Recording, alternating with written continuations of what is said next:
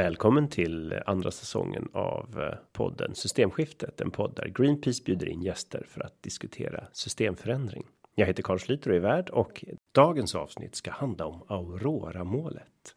Kan man med hjälp av juridik vinna klimatfajten? Med mig idag har jag Josefin Meissner som är juriststudent och Smilla Ubbe från då Aurora fallet som vi ska prata om idag. Hon är också konstnär. Och det är första gången vi har två gäster i studion. Det är ju riktigt kul. Välkomna! Tack så jättemycket.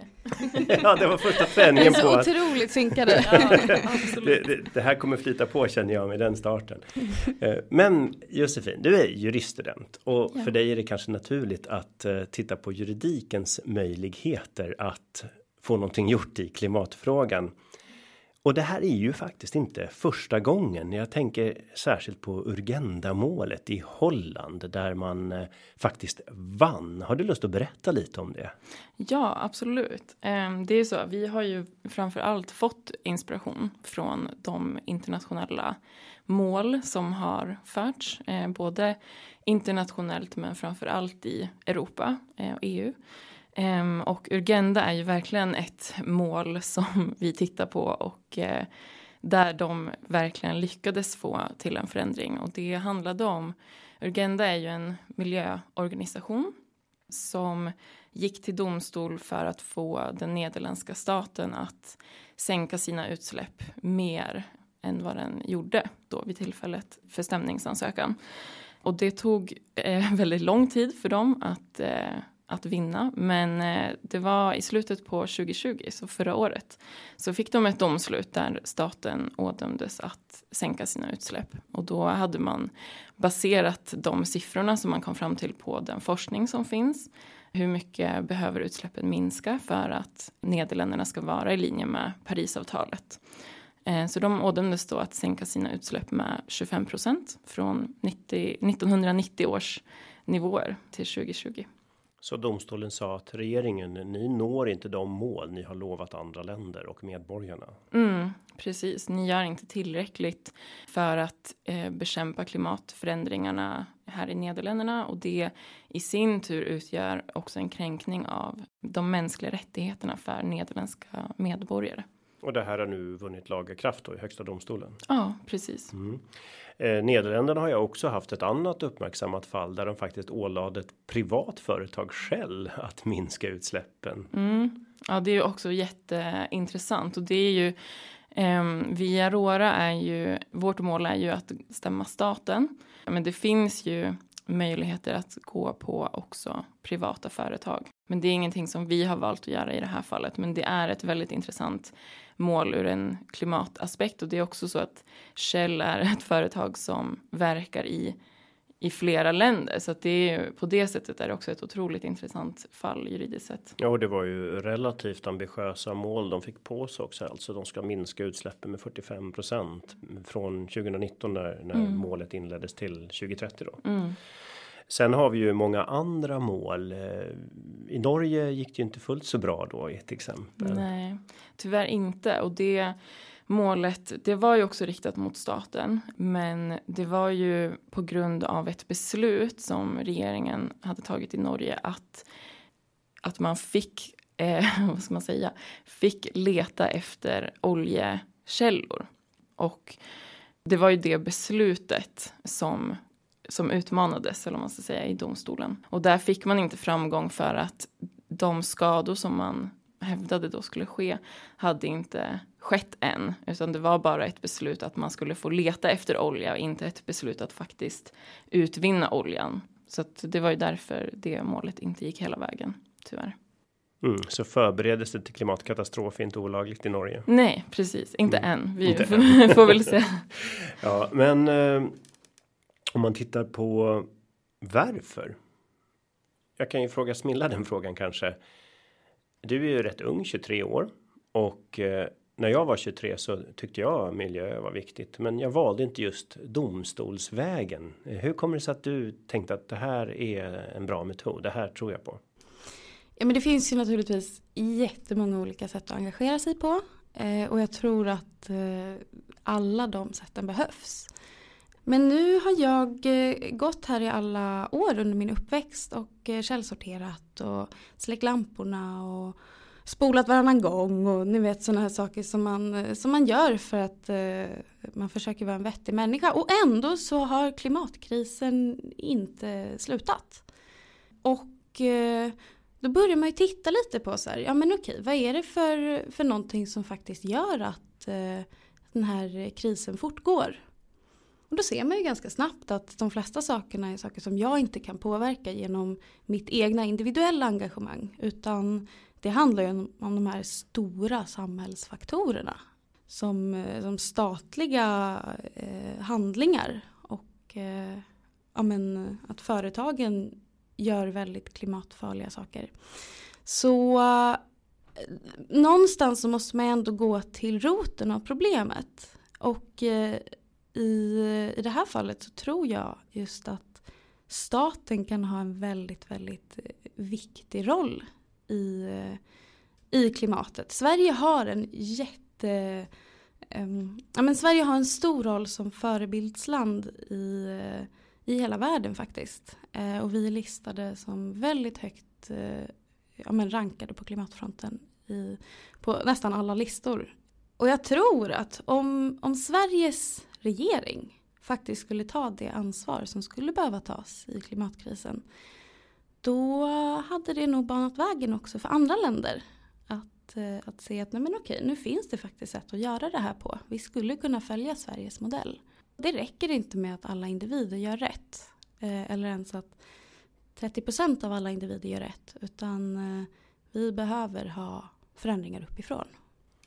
Och eh, om politikerna hade gjort rätt, då hade det här eh, rättsfallet kanske inte behövts. Vad, Nej, hur kommer det sig att eh, en del unga idag väljer den här vägen? För det här ser vi, vi har pratat om några rättsfall, men i USA är det ju över tusen rättsfall om klimatet just nu och det är över 300 runt om i hela världen just nu och i, nästan alla tyska delstater och ja, på en mängd ställen faktiskt. Så hur kommer det sig att det har blivit en våg av unga människor som tar till domstolen till hjälp? Varför gör man inte som tidigare generationer och går med i partier och förändrar politiken direkt? Alltså jag tror att den vägen är lite för långsam. Fler och fler börjar ju inse att det är ganska akuta frågor det här rör sig om faktiskt. Och vi har inte riktigt tid på att vänta på att opinionen ska leda till att politikerna tar de obekväma besluten. Utan ibland krävs det faktiskt att vi ungdomar och de som ser problemen går till roten av problemet och försöker eh, se till att förändringen händer snabbare. Du sa opinionen. Jag tänker i de allra flesta länder finns ju ändå en stark opinion för att klimatåtgärder ska göras, men det är en ganska stor skillnad mellan vad politikerna faktiskt gör och vad opinionen tror att politikerna gör eller kräver att politikerna gör. Ja, det stämmer. Och eh, Sverige har ju varit jätteduktiga på att grönmåla sig. Vi har ju ja, men status som sagt runt hela världen att vara eh, ett av världens bästa länder på klimatfrågan. Och ändå så är det inte speciellt stora förändringar vi har sett på sistone. Fast rönen blir tydligare och tydligare. Utan det och det begränsar sig ju inte bara till klimatet. Vi hade ju 16 miljömål och det enda vi faktiskt når det är att begränsa påverkan på ozonskiktet och det är ju i allra högsta grad en helt global fråga. Så man kan ja. säga att det är ett fullkomligt nationellt misslyckande med att nå de mål som vi har själva satt upp i stor enighet i riksdagen. Ja men exakt och det som har hänt på sistone det är väl typ att vi har bytt ut sugrören och eh, höjt skatten på plastpåsar. Och det är ju, vad ska man säga, icke-åtgärder. Alltså åtgärder med väldigt lite praktisk avkastning. Och tittar man då på utsläppen i Sverige. Nu kom det ju nya siffror för andra kvartalet 2021. Så det första helåret med coronaåtgärderna då. Och då gick ju upp, utsläppen upp 7% för att transporterna börjat komma igång igen mest. Och eh, då ser vi ju att eh, när klimatlagen bestämdes och den klimatfärdplan vi har för landet. Vi håller ju på att misslyckas med den redan bara några år in i. Så då är det är det det som är tanken nu då att domstolen ska säga att eh, ni gör inte tillräckligt. Eh, Klimatpolitiska rådet säger att ni inte gör tillräckligt. Vi kräver att ni ska göra det här. Eller hur är tankegången här? Ska, ska domstolen säga att inte ens färdplanen räcker för vi på Greenpeace tycker att den i sig också är otillräcklig. Eller vad är ambitionen här? Att ska domstolen få regeringen att faktiskt göra vad man redan har lovat i Paris och nationellt? Eller vill man att domstolen ska berätta att vetenskapen kräver att det här och ni ska följa dem? De bedömningarna. Vad, vad är, mm. vad hoppas ni på?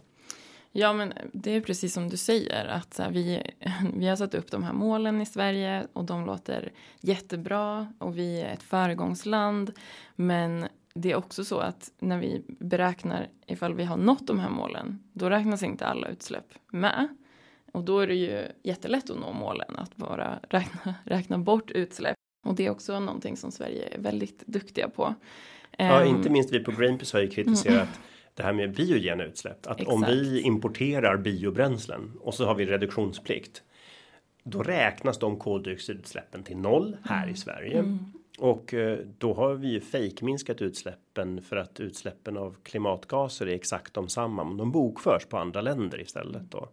Ja, och vi har ju suttit och försökt att förstå hur de här målen fungerar i Aurora för att liksom sätta oss in i det. Och det är, det är så otroligt svårt att förstå hur de hänger ihop. För det är också så att eh, vissa saker räknas in i Sveriges netto noll-mål till 2045. Men andra saker räknas, eller de sakerna räknas inte med i våra etappmål. Så att hur ska man hålla koll på hur vi liksom hur det går för oss på vägen dit. Och sen en annan eh, stor brist är ju det här med pappersbrukens eh, svartlut. Att den inte heller räknas in och utrikestransporter räknas inte in och konsumtionsbaserade. nu var du och jag lika duktiga som du och Smilla var nyss här. men, men, men jag, ja, precis. Det, något av det mest fascinerande tycker jag det är att Sverige får använda eh, de här alltså kompletterande åtgärder för att nå våra utsläpp eller våra utsläppsmål. Till exempel inom skogsbruk och markanvändning. Det sker ju otroligt mycket utsläpp där. De räknas inte med i målen. Men om vi har negativa utsläpp inom de sektorerna, då får vi räkna det som kompletterande åtgärder. Så vi får räkna med det som är bra men inte det som är dåligt. Och de beräkningarna är ju helt uppåt väggarna om vi ska vara ärliga. Så är det en dubbel förhoppning här egentligen? Dels att Sverige faktiskt ska nå sina mål och också att eh, de eh, mål vi gör inte bara är på pappret. Ska, hoppas ni att domstolen ska genomskåda pappersmål och gå på verkligheten eller vad är förhoppningen här? Alltså vi får väl se egentligen vad som är möjligt att göra och vad domstolen också är villiga att titta på. Men det som vi, de problemen som vi har identifierat är ju att Sveriges mål är otillräckliga för att vi ska nå eh, Parisavtalets mål och att vi inte ens når upp till de otillräckliga målen. Och eh, allt det här är ju saker som vi, vi planerar att, att utmana staten på. Och eh, Innan vi går vidare så är det kanske några som frågar varför kallas det här för Aurora? Jag misstänker att ni inte har döpt efter min farmors andra namn utan att det finns ett annat skäl till att ni har valt morgonrodnadens gudinna här. Ja, men precis. Det, det stämmer. Morgonrodnadens gudinna är ju en eh, fantastisk symbol för eh, en ny dag, nya tider och Aurora är ju också namnet på en fjäril faktiskt. Eh, så vi har anammat eh, fjärilen som symbol i Aurora-målet. Och eh, fjärilen får då stå för fjärilseffekten. Hör och häpna. Att ja, men med en liten handling kunna åstadkomma någonting väldigt mycket större. Och det är nog många som tänker att men varför gör vi det här i Sverige? Vi är ju det här lilla landet som ändå är relativt bra och varför spelar det någon roll vad vi gör här i Sverige? Vi har så lite utsläpp jämfört med Kina och Ryssland och andra länder. Och eh, det förklarar vi ju med att eh, även om vi gör någonting litet här i Sverige så kan det tas efter i andra länder. Och det tänker vi är jätteviktigt. Det där är ju ett väldigt eh, spännande resonemang egentligen, för ibland hör man ju det. Varför ska vi göra något? Kineserna släpper ju ut mycket mer och då ibland i min motfråga. Men om Kina delade upp sig i tusen småländer, då skulle ni plötsligt kräva att alla de tusen ska göra lika mycket som oss. Så att eh, vad dels det här då att det är utsläpp per capita och de som vår konsumtion orsakar som egentligen är de äkta utsläppen av vad Sverige håller på med och där ligger vi ju risigt till faktiskt. Och sen eh, det andra problemet med utsläpp är ju också att eh, som ni har varit inne på, de döljs då så vi räknar egentligen inte det vi faktiskt håller på med, nämligen konsumtionsbaserade utsläpp och utrikestransporter trollas bort och då och även biogena utsläpp. Om vi importerar biobränsle eller upp så syns inte det heller. Det innebär att vi fuskräknar väldigt mycket och då om man tittar på det enda relevanta måttet för vad varje land ska åstadkomma är hur mycket vi släpper ut per människa. Och då ligger vi inte lika bra till, eller? Nej, det stämmer. Vi ligger inte alls bra till faktiskt. Vi tillhör ju de absolut eh, mest eh, utsläppstäta procenten i världen. Och eh, det är ju inte så, så himla credit tänker jag. Om man nu ska framhäva sig som ett väldigt miljömedvetet land.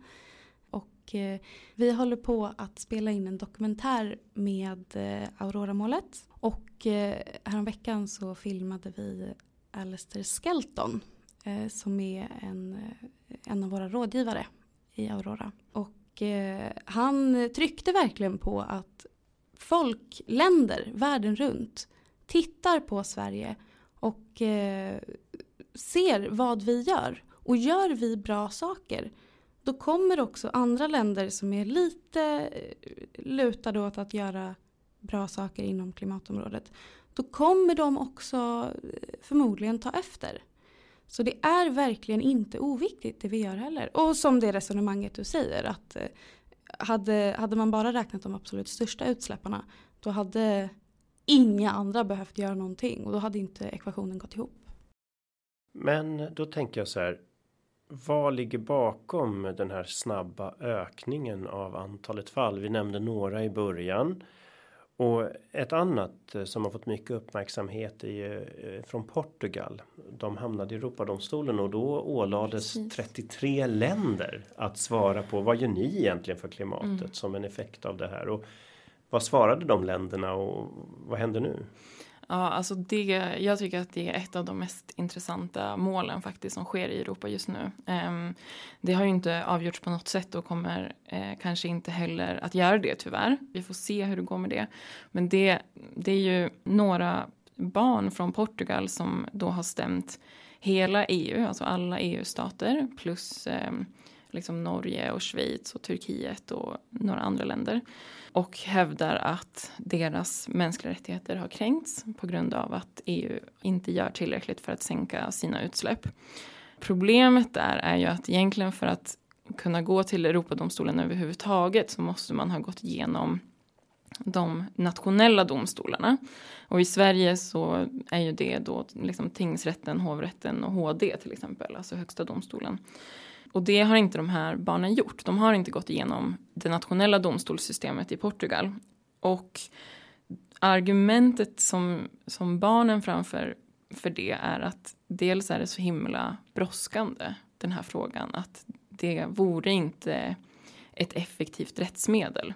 Alltså de har inte tillgång till ett effektivt rättsmedel som kan uppfylla eh, det här kravet.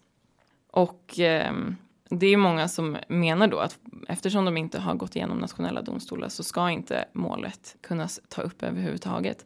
Men man kan också fråga sig då att är alternativet att de här barnen skickar in en stämningsansökan i 33 olika länder. Det är ju inte rimligt på något sätt, varken tidsmässigt eller ekonomiskt. Så att det finns flera som faktiskt tror att det här målet kan komma att tas upp i Europadomstolen ändå. Men eh, många länder, det som var intressant var att Europadomstolen gjorde en så kallad eh, fast tracking av det här målet, liksom att det skulle få prioritet i Europadomstolen. Och i princip alla länder som svarade överklagade det beslutet, att det inte skulle få fast trackas, eh, vilket ja, säger någonting ändå om hur man prioriterar den här frågan. Och just då att det hamnade i Europadomstolen som alltså inte är samma sak som EU-domstolen som uttolkar EU-rätten mm. utan det här handlar om mänskliga rättigheter och det tycker jag kanske är intressant för om man då kanske inte tycker klimatförändringarna är det som ligger i toppen i ens huvud utan har andra prioriteringar här så finns det ändå ett stort antal människor och särskilt unga då som ser att rätten att leva som garanteras av många internationella fördrag och rätten till att leva ett gott liv och barns rättigheter. Alla de här olika rättigheterna finns ju och även länders krav på länder att ge medborgarna goda livsförutsättningar utifrån landets egen utvecklingsnivå. Och att ta det här och se det här som mänskliga rättigheter. Eh, hur tänker du? Eh, hur ser du att dina mänskliga rättigheter är begränsade? Smilla? Ja, men alltså jag tycker att det är lite märkligt det här att vi har skrivit på en massa konventioner och eh, klappat oss själva lite på axeln och sagt att nej men nu, nu tar vi tag i det här. Att nu ska folk ha rättigheter till liv och hälsa och utveckling och allt vad det är. Men sen när det kommer till praktiken då är det väldigt lite av det som faktiskt eh, ja, men implementeras. Och jag kan till exempel känna att jag eh, är ganska orolig över min framtid. Nu bor jag i ett av världens bästa länder och vi kommer förmodligen inte eh, drabbas lika hårt av klimatkrisen som väldigt många andra länder. Men eh, jag är fortfarande rädd för min framtid och min hälsa och min rätt till utveckling och liv. Och det är ju välkänt att eh, men, katastrofer och klimatkrisen bidrar till eh, ökade konflikter till exempel. Och det är någonting som vi kommer få se även i Sverige. Och när folk söker sig till Sverige så har jag väldigt svårt att se, ja men som Leo Rudberg pratade om i, i hans avsnitt här, att eh, väldigt svårt att se att de här eh, eh, makthavarna då plötsligt skulle säga att oj, vi agerade inte i tid. Så nu öppnar vi våra armar och tar emot alla som har ja, men råkat ut för konsekvenserna av våra handlingar. Utan jag tror snarare på att då kommer man i panik stänga gränserna. Och då har vi våra nyexade militärer som kommer få hamna vid gränserna. Och det, alltså, jag tror att det kommer bli, bli riktigt, riktigt illa. Så du, när du ser framför dig klimatförändringarna så ser du inte bara själva risken för skogsbränder eller översvämningar mm. eller förvärrade stormar och hur det direkt kan påverka ditt liv utan du ser det också i ett sammanhang där dina mänskliga rättigheter påverkas av en ökad global konfliktnivå om mm. resurser, en ökad konflikt mellan länder mm. när man måste se om sig själv först tror man och då och då försöker man försvara sig mot andra på fel mm. sätt och så mm. vidare. Så att det här kopplingen till mänskliga rättigheter finns. Det är inte bara de absoluta direkta effekterna av själva klimatförändringen utan de effekter de får på politiska system mm. och andra rättigheter. Det är så jag ska tolka Ja men exakt och ja men som eh, frågan om ökade konflikter. Det är ju någonting som jag absolut tror kommer hända och det är ju ett jättestort hot mot eh, ja men ens rätt till liv och hälsa. Eh, jag, jag har varit prepper nu ganska länge vad, vad, nu får du förklara, vad, vad, betyder det för dig? Ja men det, det innebär eh, bland annat att jag kunskapspreppar, alltså att jag lär mig hur man bygger vattenfilter av eh, torv och kol och sånt. Och eh, ja, men lär mig... Vitmossa då, det är ja, också precis, ganska bra. precis, småsten. Men ja men att man kan ätliga svampar och växter i naturen och vad man kan använda som alternativa läkemedel om det skulle krisa så. Men också att jag har ett eh, matförråd och jag har ett vattenförråd så jag klarar mig i minst de 72 timmarna som krävs. Ja men så att du ehm. följer faktiskt MSB rekommendationer här. Ja, du ser till att du tar länge. ansvar. Mm.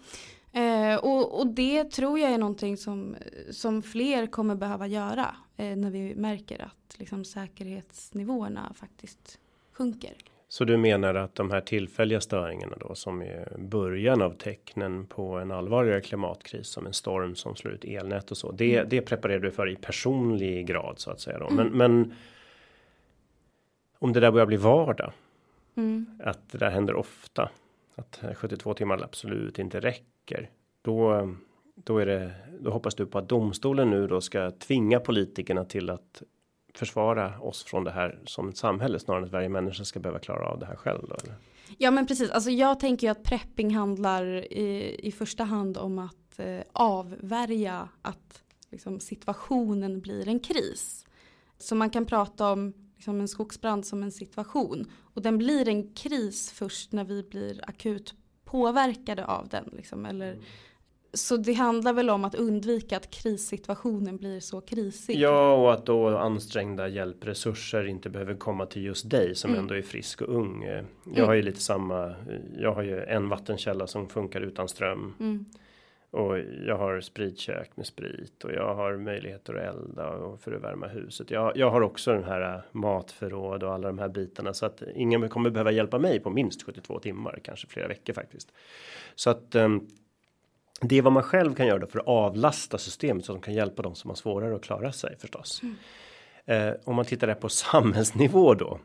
Hur kan domstolen avhjälpa oss från samhällsnivå för att hamna att de här situationerna förvandlas från en incident till en allvarlig kris? Vad, kommer domstolen att titta på mer än bara att just vi når de mål vi har satt. Kommer, hoppas ni att domstolen också kan ifrågasätta att vi inte tar tillräcklig hänsyn till konsumtionsbaserade mål och andra dolda utsläpp? Jag tror att beroende på vad, vad vi vill ska åstadkommas så kan domstolen, ha domstolen liksom flera verktyg. Det kan dels handla om det som vi pratade om tidigare, att, eh, att eh, sänka sina utsläpp snabbare, att höja sina mål, men det kan också, precis som ni pratar om, det kan också handla om att lägga mer pengar i budgeten på åtgärder för att skydda oss mot klimatförändringar. Och det framför allt, jag tänker att det kanske inte är en prioritet i Sverige just nu utan att vi snarare har ett ansvar att bidra med ekonomiskt stöd till länder som är drabbade just nu av klimatförändringar. Ja, man kan ju se där en ganska allvarligt problem.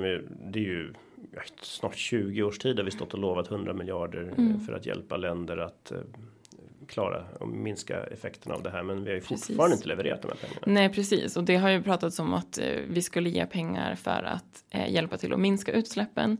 Men nu är vi redan i den här krisen, så nu handlar det snarare om att försöka få tillräckligt skydd mot en klimatkris som redan är här och de konsekvenser som drabbar människor just nu. De domstolsfall som du har i alla fall hunnit titta på hittills. Mm Finns det några exempel på där man också kräver att landet ska göra mer för andra eller har de alltid varit fokuserade på just den delstaten eller det landet? Det är ju det som är, alltså juridiken är ju lite fyrkantig. Det är ju ett verktyg som går att använda men de flesta fall i Europa handlar just om de här rättigheterna, rätten till liv, rätten till eh, privat och familjeliv och också som vi ser i det portugisiska fallet så handlar det också om rätten att inte bli diskriminerad på grund av ålder. Men så att för att kunna. Vänta, får jag pausa där för att ställa en fråga då? Ja. Rätten att inte bli diskriminerad mm. på grund av ålder. Är det just att man inte känner att man har tillräckligt inflytande i samhället? Eller är det just att ja, men ni gamla, ni kommer dö innan klimatkrisen blir så allvarlig att det drabbar er på samma sätt som det drabbar oss? Eller vad är logiken bakom åldersdiskrimineringen? Ja, men precis. Det är en jättebra fråga. Eh, det handlar om att barn blir diskriminerade för att klimatkrisen kommer att drabba dem mycket hårdare. Och det gäller ju egentligen inte bara barn utan det gäller ju väldigt många grupper i samhället som eh, där klimatkrisen och klimatförändringarna drabbar eh, grupp, vissa grupper mycket värre i samhället. Och det är en sorts eh, diskriminering eh, menar man då. Tror ni det här kan vara en orsak till att eh, politiker och andra inte gör tillräckligt. För det, ofta är man ju 50-årsåldern innan mm. man når toppolitiken eller mm. äldre. Och då kanske man inte riktigt har samma bild av krisens omfattning. Eller vad gör ni för analys där? Ja men absolut. Jag tror att det handlar mycket om ålder men också om finansiella medel. Alltså om, man, om du är medelålders i Sverige idag, alltså vår medelklass är ju större än den någonsin har varit. Eh, jag tror att folk känner sig väldigt, alltså har infunnit sig i liksom en falsk trygghet. Att man tror att man kommer kunna åka någonstans där klimatförändringarna inte har skett eller man kommer kunna ja, men skydda sig mycket bättre. Och jag tror att det är en illusion som många lever i. Också för att inte för att inte få klimatångest. Eh, Smilla berättade nyss om hur hon tror att eh, framtiden och klimatförändringen kommer påverka hennes mänskliga rättigheter och du nämnde själv nu klimatångest. Hur ser du på den framtiden och hur resonerar du kring samma frågeställning? Jag tror att eh, vi alla har lurats att tro att saker och ting är mycket bättre än vad de är. När jag började engagera mig i klimatfrågan så liksom förstod jag att det inte alls är så bra som media och som regeringen får oss att tro. Och jag tror att när man väl har förstått liksom omfattningen av klimatkrisen, de konsekvenser som blir att det kommer exempelvis ökade konflikter i världen runt om. Det kommer också påverka eh, oss i den rikare delen av världen. Så jag tror inte på något sätt att, vi, att jag kommer klara mig bättre än någon annan i slutändan. Så att absolut så tänker jag att det, det har att göra med mina rättigheter också, även om jag inte är ett barn. Framför allt, liksom, om man pratar om grupper som är extra utsatta i samhället så är ju kvinnor också extra drabbade av klimatkrisen och kommer framförallt att bli det framöver, även här. Och om ni tänker då på att eh, vi sa förut här om opinion. Eh, jag ser ofta opinionsbildning som en nödvändig förutsättning för att få en tillräckligt snabb förändring, en krismedvetenhet, en opinion för någonting och när dessutom då några börjar engagera sig så sker förändring. Vi har haft flera avsnitt i den här podden när vi har analyserat hur förändring skapas och nu använder ni en metod som vi inte har pratat så mycket om i podden, nämligen använda rättsväsendet som en del. Men om ni tittar på om vi har en situation där en eh, en del av befolkningen inte tror att de kommer drabbas så mycket. Vad ser ni för strategier för att påverka olika delar av befolkningen till att uh, tycka att det här är viktigt nog som stöd för att vinna den här striden som ni har inlett nu. Om man tittar på äldre människor, till exempel i värmeböljorna i Sydeuropa så är det ju äldre människor som mm. drabbas allra mest och många äldre har ju dessutom barnbarn som de älskar och så vidare. Vad är angreppssätten här? Hur får man de som faktiskt just nu sitter på makten att fatta de beslut som krävs? För de kanske har då kortsiktigare fokus nästa val eller att företagen ska gå så bra som möjligt och att hjulen snurrar och så vidare brukar ju vara angeläget för dem som sitter på själva makten. Vad har ni för metoder för att förändra deras beslut förutom att domstolen kanske fattar ett beslut om att de borde göra det, men eh, även om domstolen säger det så kommer ju inte regeringen hamna i finkan om de struntar i det. Nej, alltså eh, jag tänker att väldigt många vet redan att vi lever i klimatförändringar och att eh, vi, vi måste göra någonting åt det. Eh, men den kognitiva dissonansen har ju uppstått tack vare den här eh, oljekampanjen som eh, startade innan, strax innan eh, 2000-talet. Ja, vars enda syfte egentligen var att lägga över ansvaret på den enskilda individen. Och därför har vi så himla bra, ja men vi är så himla duktiga på att källsortera i Sverige och vi äter mycket vegetariskt och så. Och, men det är någonstans där som engagemanget avstannar. Och jag tror att om man istället skulle flytta debatten från att handla om det här individuella ansvaret till att istället handla om att okej, okay, vi har ett individuellt ansvar men det kanske inte är att alla ska göra precis rätt själva. Utan det ansvaret kanske snarare är att eh, sätta den här pressen på våra politiker som just nu är rädda för att ta de obekväma besluten för att de inte känner att de får den pressen på sig. Och där ser man ju i det här franska fallet att eh, det var väldigt eh, mycket av eh, det som jag tror gjorde att de blev väldigt framgångsrika är att de var otroligt duktiga på sin medieprofilering. Så de eh, släppte till exempel en video där de hade tagit med en massa kända ansikten som pratade om fallet och varför det är viktigt att vi faktiskt lägger över det här ansvaret där det hör hemma, alltså hos makthavarna. Och den här videon fick på ett dygn över 20 miljoner visningar. Och eh, det jag tror att den folkliga, det folkliga engagemanget är jätteviktigt. För domarna är ju människor precis som vi. Och på samma sätt som vi så påverkas de också av gruppmentaliteter. Så om opinionen hamnar i, i det facket att okej, okay, men nu försöker vi lägga över ansvaret på de som faktiskt har chansen att ändra det här i tid nog. Då tror jag också att man kommer nå förändringen betydligt snabbare. Så ni vädjar till domarna i högsta domstolens känsla av att själva kunna bli superhjältar då? Ja, precis. Snälla. Men jag tror alltså verkligen att det ligger mycket i det som du säger. För jag tror att det också är en anledning till att många tror att läget är bättre än vad det är. Att Alltså jag som är 27, jag har återvunnit i hela mitt liv. Vi har alltid liksom, ni vet, stängt av bilen när man stannar någonstans. Eh, vi har sparat på vatten, vi har försökt äta mindre kött. Liksom. Vi gör allt det här och sen så hör man samtidigt att regeringen ändrar miljöbalken i strid med grundlagen för att företag ska få fortsätta förstöra miljön. Vi hör en av Sveriges absolut största utsläppare dessutom. Precis. Vi hör också att regeringen lägger dubbelt så mycket pengar på verksamheter som förstör miljön än på klimat liksom, positiva åtgärder. Och när man liksom som individ ser allt det här, det är klart att vi som individer ska göra allt vi kan, men det måste staten också göra. Och det, så är det inte nu. Och flera avsnitt av den här podden har ju dessutom handlat om att ha en vision om en annan framtid där vi ställer om ekonomiska systemet till de krav vi har idag på överlevnad och välmående och det är inte då att producera och ta bort så mycket som möjligt från jordskorpan till att överflöda våra förråd med prylar. Det, det är ju, vi är bortom det nu, åtminstone den här delen av mm. världen. Mm. Så när vi tittar på möjligheterna för en domstol, då är det ju nu har jag pratat om flera verktyg här. Ett är då att ha en opinion. Eh, två är att göra saker själv. Tre är att få politikerna att fatta rätt beslut och även om då det inte verkar så populärt att gå med i partier för att försöka få dem att göra det direkt och det kan ju ha en göra med synen på vilken möjlighet man har att påverka internt också. Nu har ni valt att gå via domstolen. För att domstolar är ju till sin natur så ser man ju dem att de ska vara neutrala. Mm. De ska beakta fakta ja, välja rätt här mm. mellan de fakta som finns och de krav som dagen sätter och vi har ju krav på oss här.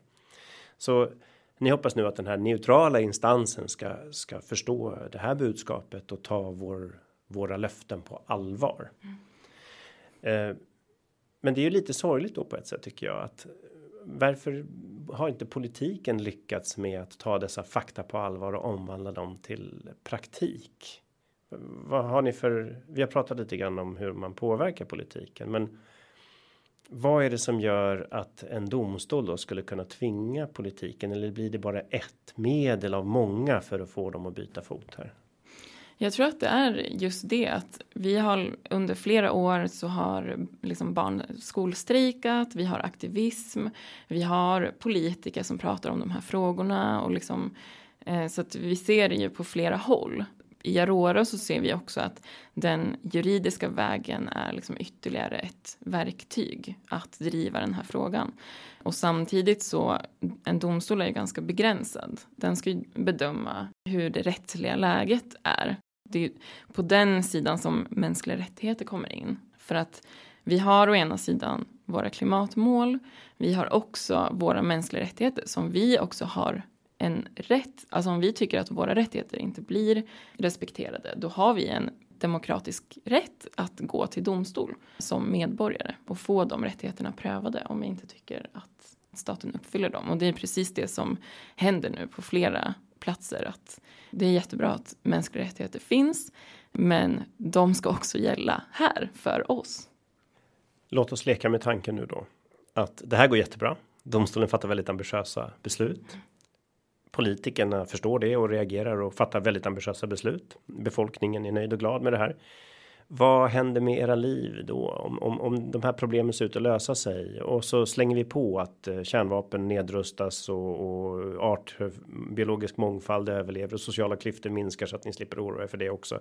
Vad händer med era liv då? Vad, vad ser ni framför er skulle kunna hända om inte ni behövde göra den här striden? Vad, vad, vad skulle ni ägna era liv åt då tror ni? Alltså jag vill väldigt gärna ha barn någon gång i framtiden. Jag vill jätte, jättegärna ha barn. Och sen eh, tänker jag att så fort man har visat att det går här, då är det ju dags att ta med sig det ut i världen. Men eh, liksom vi behöver ju, även om allt går rätt till här så kommer vi behöva ta ett ännu större ansvar för att bygga upp de länder som inte har en lika utvecklad infrastruktur till exempel.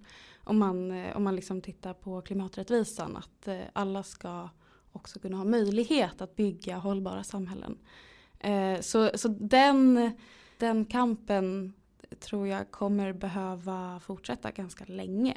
Att det räcker inte att vi gör rätt här i Sverige utan vi behöver också tänka ganska stort och globalt. Mm. Men ja. Eh, jag fastnar redan på allra första meningen du svarar där. För det är om man tänker ett varv till. Hur dramatiskt är det inte att en människa svarar jag vill kunna ha barn. Jag fick ett barn själv för en månad sedan. Åh, grattis! Hon, ja, tack så mycket. Hon, hon, ska heta Liva Katarina Aurora faktiskt. Är det sant? ja. Wow!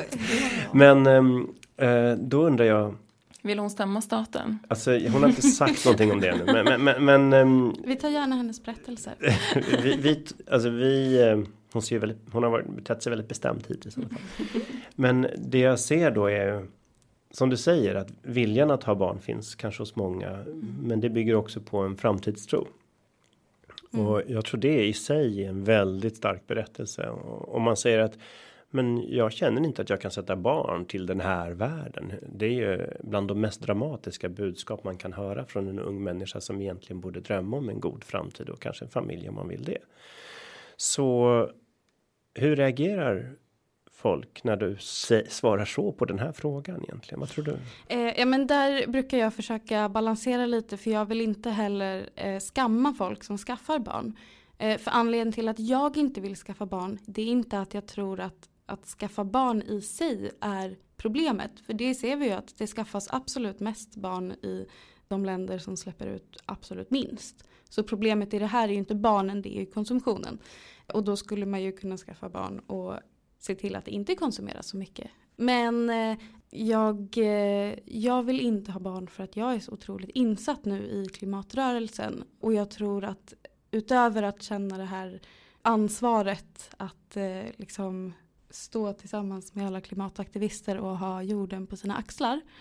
Att samtidigt ha ansvaret över att behöva försäkra sitt barn om att det får en bra framtid. Eh, jag, jag tror inte jag skulle kunna axla det nu. Då skulle jag vara tvungen att ta från mitt engagemang som klimataktivist och det känner jag inte att jag har råd med. Mm. Alltså jag måste också lägga till att det är inte ett ovanligt svar.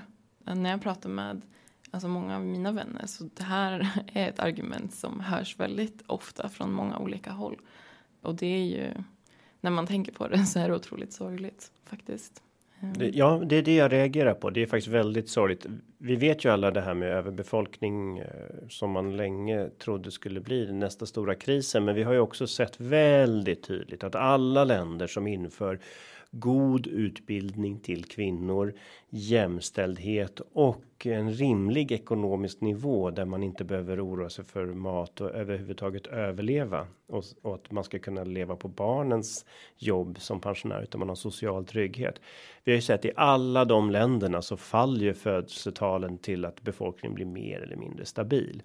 Så den här frågan om överbefolkning handlar ju oerhört mycket mer om kvinnors rättigheter, om utbildning och social jämlikhet snarare än att det är själva barnen som kommer att förstöra våran planet. Ehm, och då så att vi räknar med att i takt med att länder hamnar i en mer stabil ekonomisk situation så kommer också födelsetalen minska. I princip alla länder har ju, har ju det hänt när det har hänt. Så överbefolkningen ser ju faktiskt ut att plana ut något tidigare än tidigare prognoser. Så det är ju inte det som är själva man är rädd för att ett barn till kommer förstöra klimatet utan det är de här ännu mer personliga allvarliga framtidsutsikterna och jag hoppas ju att min dotter ska ska bli så kraftfull klimataktivist att hon gör nettonytta för planeten förstås. Mm. Men om du skulle svara på samma fråga som jag ställde till Smilla, hur skulle du svara? Hur din framtid blir om du slapp, eller slapp och slapp, det är roligt att ha vara engagerad. Men du förstår frågan att om du inte mm. behövde göra just det här, vad skulle mm. du ägna ditt liv åt då tror du? Alltså det är, jag tycker att eh, det är en väldigt svår fråga, eh, för jag har otroligt svårt att föreställa mig det scenariot. Men jag vet att innan jag blev liksom en väldigt aktiv klimataktivist så eh, jag har alltid älskat att resa och det skulle jag vilja göra men på ett mycket bättre sätt. Och jag hoppas att de förutsättningarna att kunna göra det kommer finnas på plats framöver. Jag vill, jag vill läsa mycket böcker. Det, det är absolut mesta jag vill göra. Um, ta det lugnt och liksom inte, inte jobba ihjäl mig. Uh, för det är, jag vet att bland unga kvinnor i min ålder så är det absolut högst andel som blir utbrända precis när man kommer ut i arbetslivet. Så att jag hoppas på ett samhälle där vi inte behöver stressa och vi behöver inte jobba ideellt och vi behöver inte aktivera oss på fritiden och vi behöver inte jobba 40 till 60 timmar i veckan. Så att Ja, jag vet att, inte riktigt hur jag ska svara på den frågan. Nej, men, men, det var väl ett väldigt bra svar egentligen. Om man tittar på det här med att jobba ideellt. Det är ju helt frivilligt. Mm. Att, att det ska vara upplevas som helt frivilligt och inte påtvingat av panik inför mm. framtiden. Det är väl det då kanske. Ja, och det tror jag inte att. Det skulle jag inte säga att det är idag. Eh, utan det är snarare ett, för många av oss är det nog ett absolut nödvändigt medel för att inte ha alldeles för mycket oro och ångest inför den här krisen. Ja, så de av er då som är min ålder eller uppåt eh, som lyssnar på det här avsnittet idag tror jag ska ta de här två sista svaren väldigt allvarligt mm. när man funderar på om man ska stödja den här processen eller inte kring Aurora målet och då blir ju min nästa fråga. Hur långt har ni kommit nu? Mm, vi har kommit ganska långt. Jag kan inte säga för mycket, men det kommer att visa sig. Ehm, och vi har väldigt mycket spännande saker som händer framöver. Håll utkik. Någonstans där innan nyår.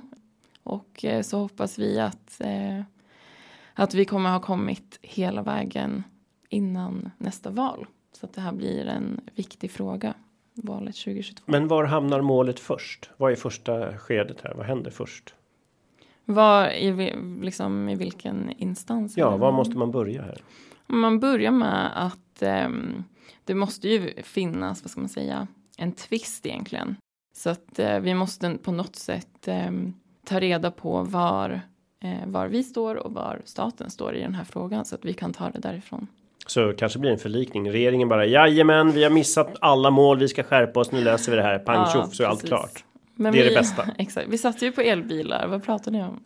ja, jo, jo, just det. Jag, jag hörde en intervju här att man skröt om att antalet elbilar växer. Sen så tittar man på då totalvikten på dem är ingen större skillnad mellan de gamla bilarna. Energiförbrukningen som sådan inte heller någon mm. större skillnad. Det är lite mer effektiv motor förstås. Mm. Eller mycket mer effektiv motor. Men, men gummit i däcken slits ju på exakt mm. samma sätt. Vägarna slits på exakt samma sätt. Så att um, det är ju inte ett cirkulärt uh, flöde. Nej, alltså skämt åsido så är det ju verkligen mycket av det som det pratas om är vi behöver tänka om på helt andra sätt än vad regeringen verkar göra nu.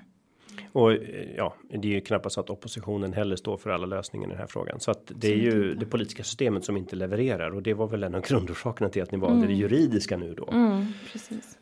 Och det händer ju ganska mycket i Aurora just nu. Nu kan ju Josefin inte avslöja så mycket om den juridiska biten för det är fortfarande ganska konfidentiellt. Men vi har ju faktiskt andra saker vi, vi får prata om och eh, då har vi tre stora saker just nu faktiskt.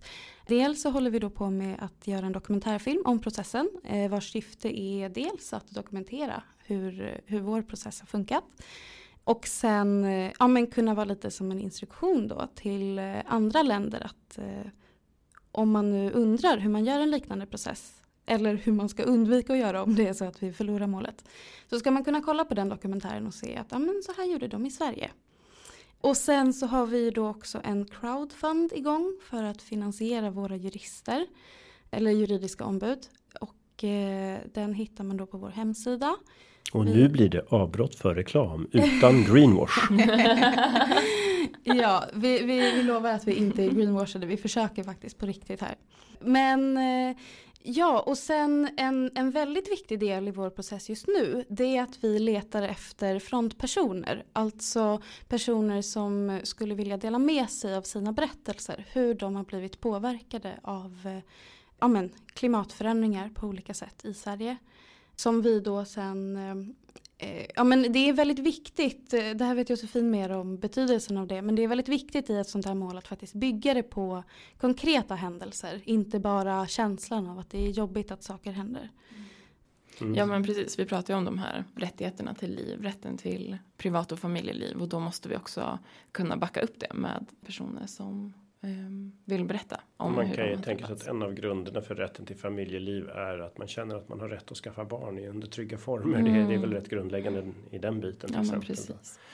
men eh, vi har tagit upp hur det här målet skulle kunna påverka Sverige och andra länder. Vi har tagit upp hur era personliga liv påverkas av klimatfrågan.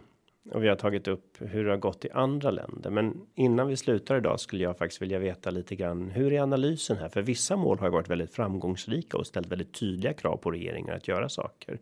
Och andra mål har ju blivit avslagna. Vad, vad ser ni som nyckelbitar i framgången? Förutom då att bilda opinion och ha ett bra väl genomarbetat case. Vad har man sett har varit framgångsfaktorer och vad har lett till förluster? Ehm, ja, men det som vi har sett är att ofta de målen som har varit väldigt specifika och gått på kanske saker som inte har hänt än eh, har vi sett inte alltid har lyckats. Så att vi tar väldigt mycket inspiration från de målen som har skett men vi behöver ju också anpassa det till svensk rätt och svenska förhållanden. Ehm, vi i Sverige är ju om man tittar på liksom global uppvärmning till exempel så kommer vi vara ett av de länder som värms upp allra mest och allra snabbast. Så att vi måste ta, ta in också de svenska aspekterna och sen är det omöjligt att säga hur en domstol kommer döma. Vi, det är flera som säger att förmodligen så kommer domstolen inte förneka att, vi, att klimatförändringarna sker. Men samtidigt så när det gäller internationell rätt så kan svenska domstolar ibland vara lite liksom, konservativa. Så att vi är supertaggade på att se hur det kommer gå. Ehm, vi hade inte gjort det här om vi inte trodde på det. Så att vi hoppas på framgång och vi hoppas att det kommer kunna leda till en reell förändring också. Och du då Smilla? Um, jag vet faktiskt inte. Jag är inte lika insatt i den juridiska delen av uh, de olika fallen faktiskt. Men um, jag tänker att eh, om, man, om man trycker på den, den känslomässiga aspekten av det hela. Att faktiskt eh, ja, men visa historier eller föra fram historier som berör. Det tror jag eh, faktiskt kan vara nyckeln. Att eh, ja, men, se till att vi lyfter fram den mänskliga aspekten. För det är lätt att det blir så himla hårt när man pratar om juridiken. Men det det här handlar om egentligen det är ju inte ord på papper utan det handlar om folks liv. Och, och framförallt ungdomars liv. Och där är det jätteviktigt att vi får fram det. Så fakta kring klimatförändringarna. Fakta och kunskap kring juridiken. Men utan en story som visar hur det påverkar våra mänskliga rättigheter så vinner man kanske ändå inte. Det behövs alla tre benen här helt enkelt. Yes. Det tycker jag låter som en klok strategi och jag önskar er varmt lycka till. Det är ju inte helt otänkbart att eh, Greenpeace på något sätt kommer stötta den här processen. Det har vi ju gjort i många andra länder till exempel. Mm. Så um, jag vill tacka er för dag och jag hoppas verkligen att det här blir framgångsrikt, att ni lyckas skapa den debatt, att ni lyckas skapa den rättsprocess, att ni lyckas eh, forma framtidens politiker till att faktiskt ta de globala överlevnadsproblemen på allvar. Och det i sin tur möjliggör för er att faktiskt kunna drömma om en positiv framtid och sen också leva den. Så hjärtligt tack och stort lycka till. Tack så jättemycket. Tack för att vi fick komma. Ja, tack. Det har varit jättetrevligt. Och nu lyfter vi klimatfrågan till centrum av samhällsdebatten, eller hur? Yay! ja. Tack så mycket. Tack. Tack för att ni lyssnade på dagens program som gjordes av Greenpeace. Där producent är Alexia Fredén. Ljudtekniker är Christian Åslund och värd är jag, Carl Schlyter.